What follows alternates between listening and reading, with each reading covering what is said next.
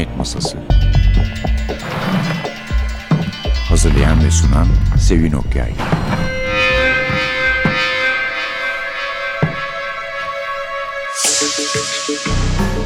Merhaba. NTV Radyo'nun Cinayet Masası programına hoş geldiniz.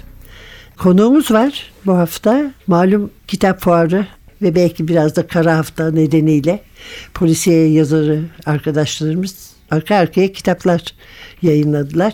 Onlardan bir tanesi de uzun zamandır bu programa konuk olmayan Çağatay Yaşmut. Çağatay hoş geldin. Hoş bulduk. Çok oldu değil mi? 5 yıl oldu. 5 yıl. ha? Beş yıl oldu, vay evet. vay. Bayağı olmuş. Çağatay Yaşmut'un başkomiser Galip karakteri var. Eğer polisiye ile ilginiz varsa, merakınız varsa mutlaka okumuşsunuzdur. Çünkü kaç tane oldu bununla? Beşinci kitap bu. Bu beşinci evet. kitap mı? Dört tane roman bir de bu öykü Neyle kitapları. başladı Beyoğlu? Beyoğlu çıkması, şarkılar susunca, Beni Yavaş Öldür, Kadıköy cinayetleri ve bu e, Doktor Ceyda'yı kim öldürdü öykü. Doktor Ceyda'yı kim öldürdüğünün ötekilerden Evet. farkı hikayelerden Hikayelerden. oluşması. Yedi tane hikaye var. Evet. Evet ama sonuncusu mesela novella boyunda Evet. neredeyse uzun bir hikaye. Aslında e, hikayelerin çoğu uzun. Yani Onun aslında kadar uzun değil onun ama. kadar yani değil 70 evet. sayfa falan Yetme, evet. var ama bu yüze yakın Yüz, ya da evet. 100 yani. Aslında yani baktığınızda o hikayeleri biraz daha üzerinde çalışsaydınız novella olabilirdi. 60 sayfalık hikayeler var çünkü. Bu da herhalde benim hani esas romancı olmamdan bir de bir soruşturma yürüttüğü için galip hani o bitiremiyorsunuz soruşturmayı. Yani böyle durum öyküsü yazamıyorsunuz. İşte cinayet işleniyor, soruşturma devam ediyor. E bir bakıyorsunuz 50 sayfa olmuş, 60 sayfa olmuş. E bir de galibin özel hayatı da eklendiği zaman işin içine bir novella oluyor neredeyse. Evet Galip'in özel hayatta başlı başına Başlı- zaten.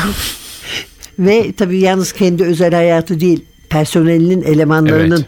özel hayatları Evet, da. evet. Melike'nin, Serdar'ın, Mustafa'nın. Ki Melike Evet. ile Serdar'ın ilişkileri de Evet. olduğu için zaman içinde olduğu için onlar zaman zaman ön plana çıkıyorlar. Çıkıyor, Mustafa evet. ön plana çıkıyor. O da bir aşkı yaşadı. Evet.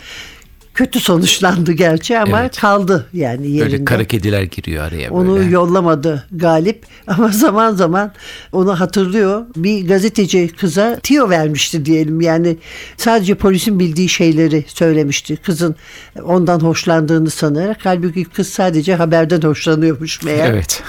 Ama Galip hala ona böyle hamal işleri, efendim zor işler falan verirken kız kız gülüyor kendi kendine. Tabii. Çay getir, tost Hırsını getir. alamadı çünkü. Yani buradan da şunu anlıyorum. Galip'te biraz kincilik varmış. Yani bir özelliğini daha çıkardım. Yani ben de Galip'le beraber yaşıyorum çünkü. Yani böyle çok abartmasa da e, hala o intikamı geçmedi. Hala Mustafa'ya kızgın o yaptığından dolayı ki onun sayesinde cinayeti çözmüştü. Söylemeyelim tabii, tabii. Kadıköy cinayetlerinin sonucunu ama onun sayesinde cinayeti çözdü. Ona rağmen hala böyle onu bir derinden derinden bir hınç biliyor. İşte onu böyle ayık işlerinde koşturuyor. Özellikle bu yazdığım son romanda onu artık hiç dışarıya çıkarmıyor. Özellikle Melike gittikten sonra tamamen bu şey işte bilgisayar başında oturtturuyor onu. E tabi Mustafa da haliyle e, içerliyor bu duruma. O da başının çaresine bakacak gibi geliyor bana. Ama yani Mustafa da birisinin hayatını tehlikeye atabilirdi söyledikleriyle. Yani Atabilirdi kovulmadığını tabii. şükretsin tabii, bence. Tabii. Yani şimdi cinayet masası gibi en gözde bir bölümde çalışıyor. Cinayet masasına yakışır hareketler yapması gerekiyor aslında. Şimdi ise arkadaşımız Suha Çalkevik her zaman olduğu gibi bize kitaptan bir bölüm okuyacak.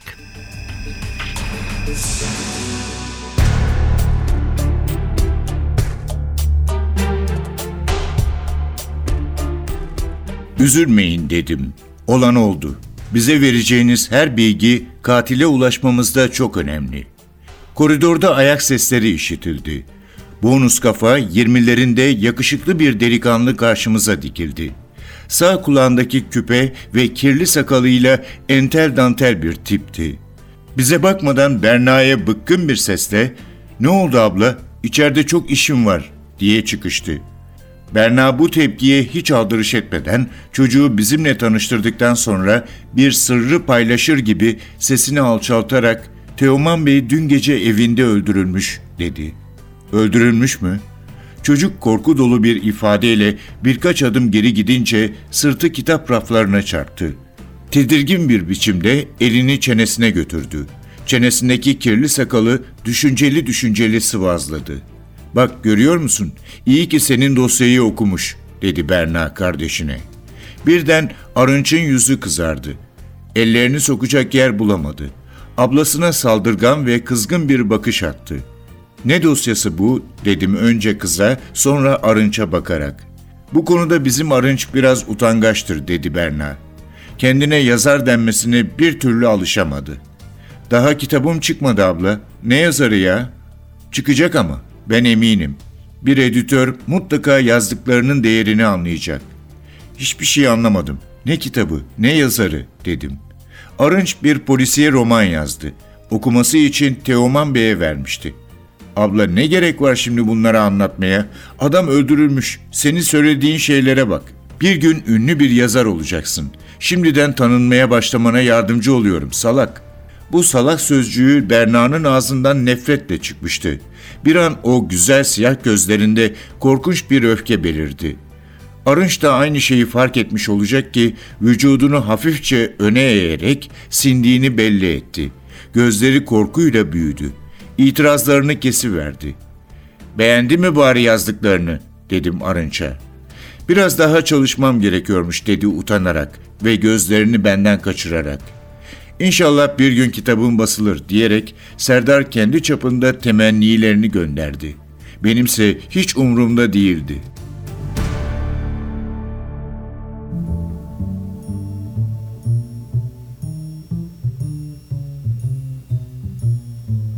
while tearing off a game of golf.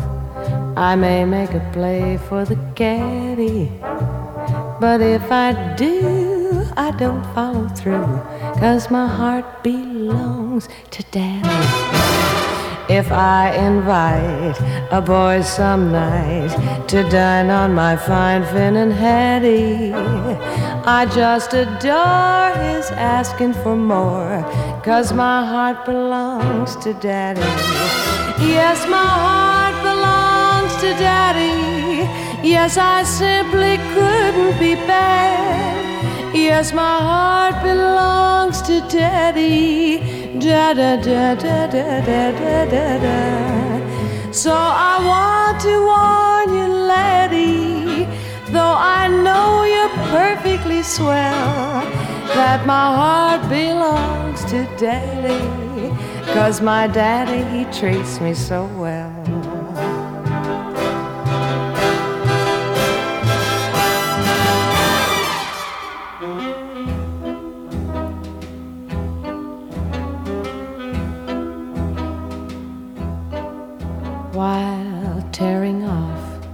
Game of golf, I may make a play for the caddy. But if I do, I don't follow through, cause my heart belongs to daddy. If I invite a boy some night to dine on my fine Finn and Hattie, I just adore his asking for more. But my heart belongs to Daddy. Yes, my heart belongs to Daddy, and I simply couldn't be bad. Yes, my heart belongs to Daddy. Da da da da da da da da. da. So I want to warn you, laddie, though I know you're perfectly swell, that my heart belongs to Daddy, and my Daddy He treats me so well.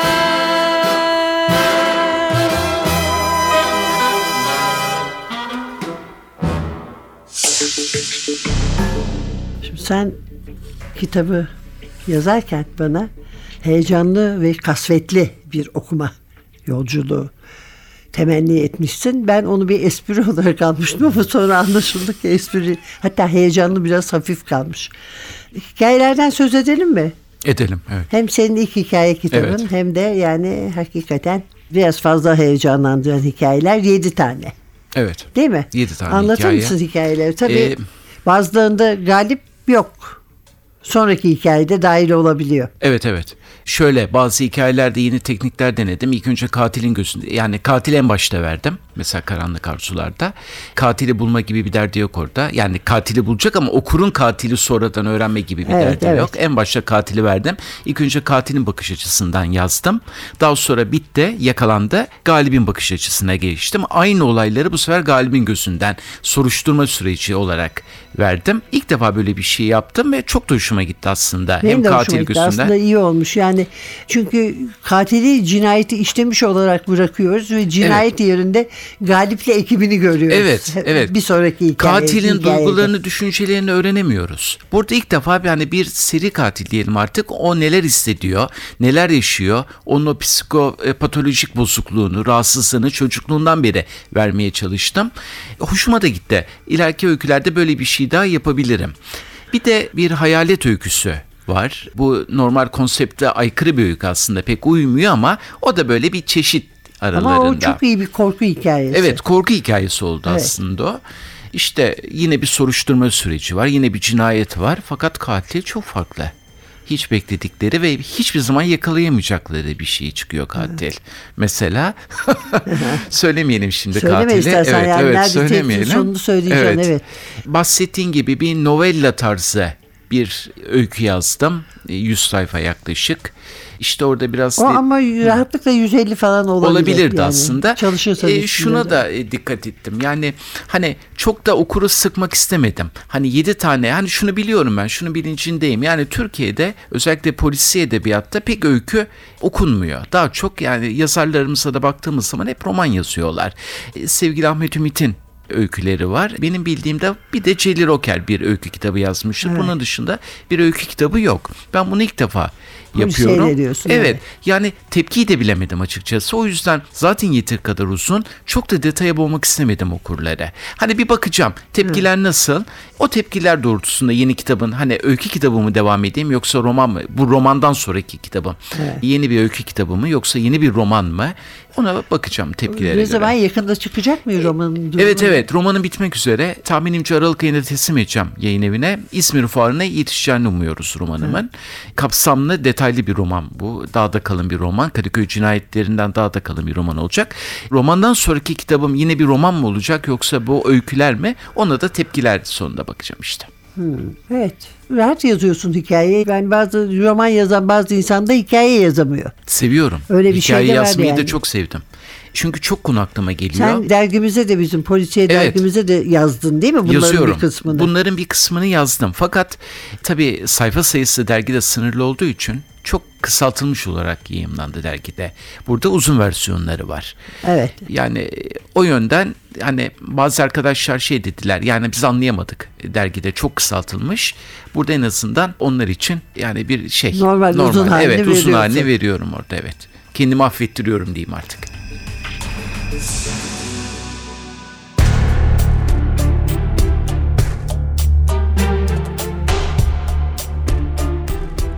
Apartmanın içi ana baba günüydü. Kadıköy İlçe Emniyet Müdürlüğü'nde görevli meslektaşlarım olay mahallini kontrol altına almayı başarmışlardı. Görünüşte olay intihar vakasıydı. Ama her ihtimale karşı savcı cinayet büroyu da çağırmıştı. Bu yüzden ben ve Serdar olay mahalline intikal ettik. Cesedi ablası bulmuş. Polise o haber vermiş. Maktul salondaki halının üzerinde sırt üstü yatıyordu.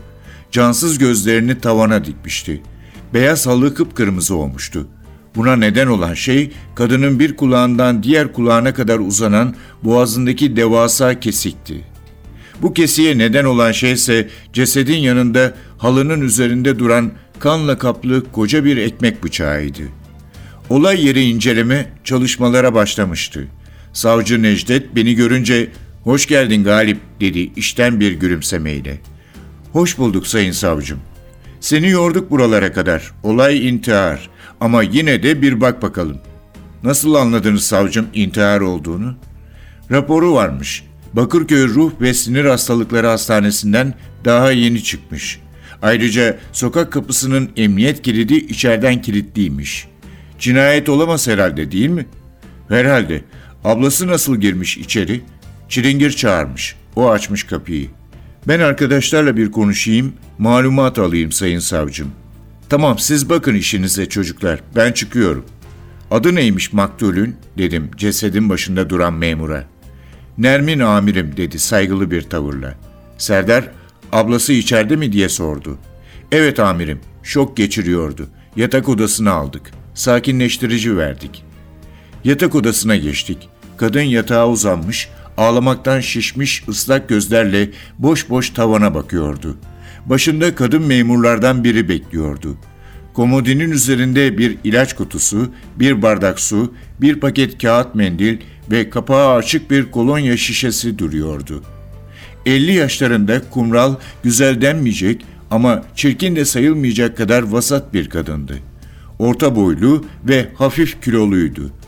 Üzerine boğazlı siyah bir kazak, altına eski bir kot pantolon giymişti. Ayaklarında yün çoraplar vardı. Elinde yırtık bir fotoğraf tutuyordu.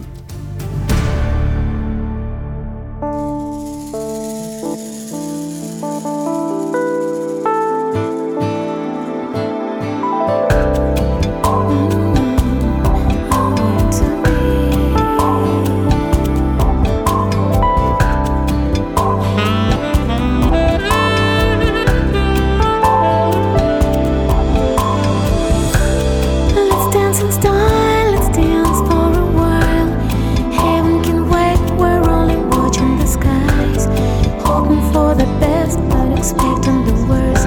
Are you going to drop the bomb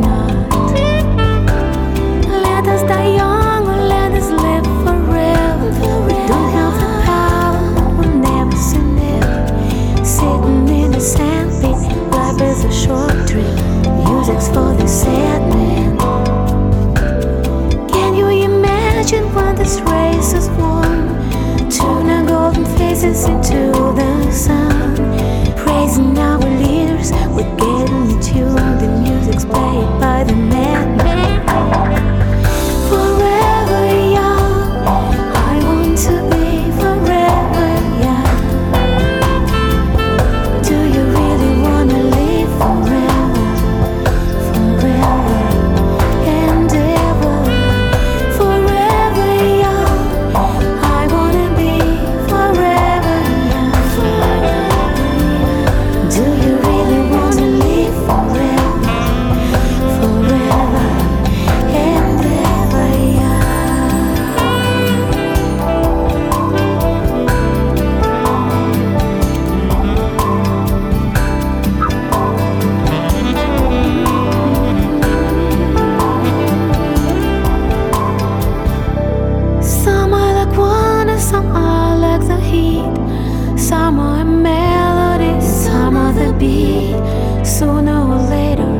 They all will be gone.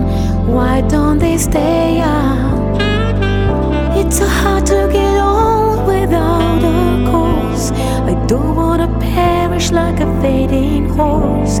Youth is like diamonds in the sun, and diamonds are forever. So many adventures couldn't happen today.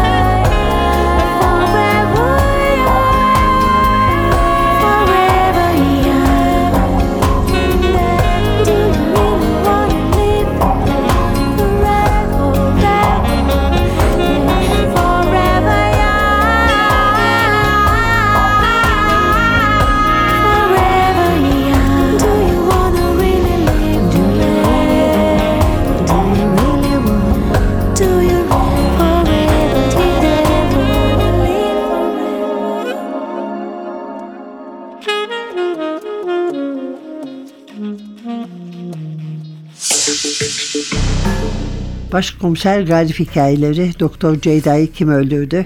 Çağatay Yaşmut, Oğlak Yayınları Macera Perest kitaplardan Evet, çıktı. evet. Sen hep Oğlak'la mı çalıştın? Hep Yoksa- Oğlak'la Hep çalıştım. Oğlak'la Evet, çalıştın evet. değil mi? O benim hayalim de ya. Yani Oğlak yayınlarında ilk romanım dosyasını hazırlarken kafamda hep Oğlak yayınlarından çıkmasını istiyordum. Zaten dosyayı bitirip koltuğumun altına alıp Oğlan kapısını çalıp aşağıda bıraktığım zaman da zaten iki hafta sonra döndüklerinde çok mutlu olmuştum. Çağatay'ın felsefe merakı da var ama Evet. okudun zaten değil mi? Felsefe yüksek lisans eğitimi aldım. Evet. Maltepe Bir de ekonom, Üniversitesi'nde. ekonometri. Normalde ekonometri okudum üniversitede. Daha sonra uzun yıllar finansta ve bankacılıkta çalıştım. Sonra hayatın anlamını... Bankada çalışıyordum ben seni tanıdım. Evet evet bankada roman da yazıyordum akşamları. Gündüz bankacı akşamleyin yazardım. Sonra işte banka bu ekonomik krizler bankada batınca bu hobim mesleğim oldu artık. Bu arada işte biraz da felsefeye merak saldım. Zaten içimde vardı. Fırsat buldum. İşte bir yüksek lisans eğitimi aldım. Belki de hani 4 sene 5 yıl roman yazamamamın esas nedenlerinden bir tanesi de şeydir. Belki demeyeyim. Kesin o. Felsefe yüksek lisansı yapmam. Tez hazırlamam. Dersler çok ağırdı çünkü. Teorik felsefeyle uğraştık çünkü. Odur yani romancılığıma katkısı oldu. Çok ben katkısı de onu oldu. soracaktım. Evet oldu. Yani bakış açım değişti. Yani cezanın felsefesini, suçun sosyolojisine daha meraklı oldum. Daha irdelemeye başladım. Daha mesele haline getirdim bunları. Daha toplumsal konulara eğilmeye başladım. Şimdi Sevim abla sen bilirsin benim polisiyelerim aslında sokak polisiyesidir. Yani üçüncü sayfa haberlerinden Evet, esinlenerek e, yazarım. Fakat şimdi özellikle bu son romanımda daha böyle bir suçun sosyolojik boyutunu incelemeye, cezanın, adaletin e, felsefesini incelemeye başladım. E, yani meyvelerini topluyorum açıkçası felsefeni.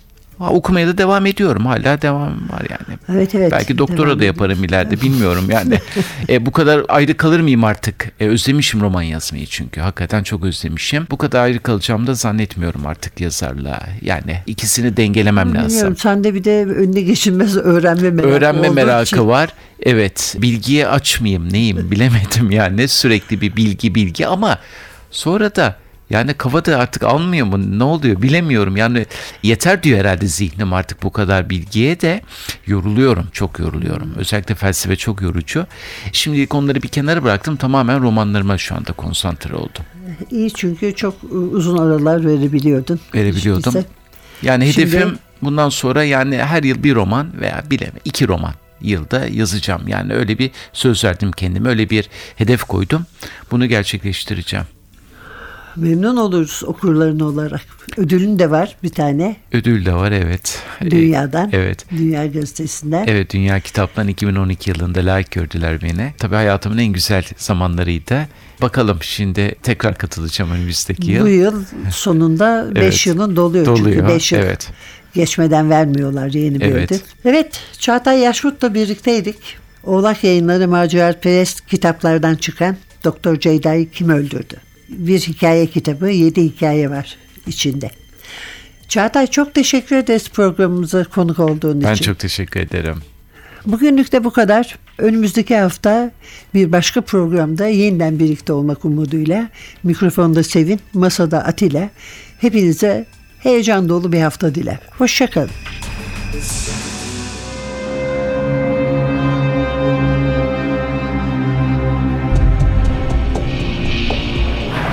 Cinayet Masası.